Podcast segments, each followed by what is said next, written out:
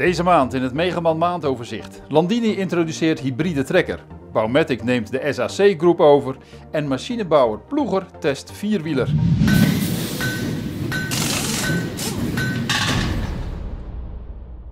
Landini heeft op de Italiaanse machinebeurs EIMA de Rex 4 Electra voorgesteld. De trekker met elektrisch aangedreven voorwielen is in 2023 leverbaar.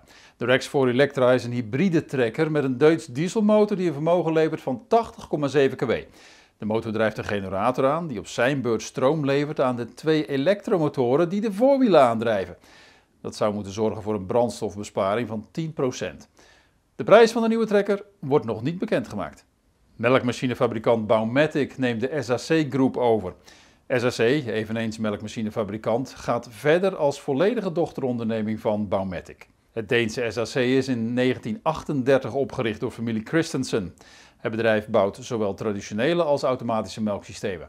In Nederland exporteert SAC de Hoco Farm Group. Dit bedrijf houdt zich bezig met datagestuurde melk- en voertechnologie en wordt ook onderdeel van Baumatic.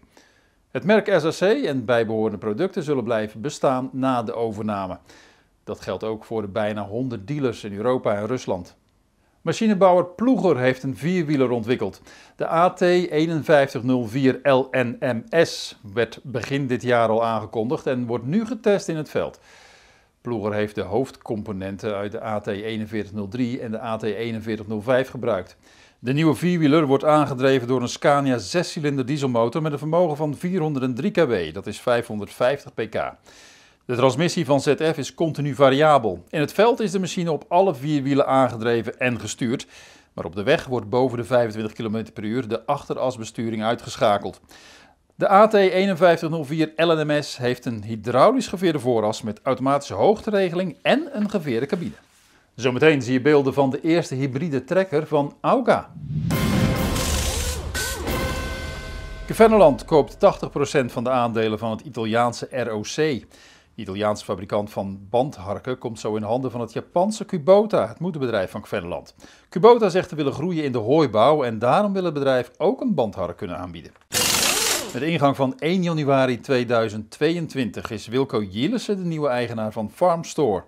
Deze importeur van onder meer Storti voermengwagens, Alpego grondbewerkingsmachines en Monosem zaaimachines is nu nog in eigendom van de oprichters Adriaan en Anita van den Berg.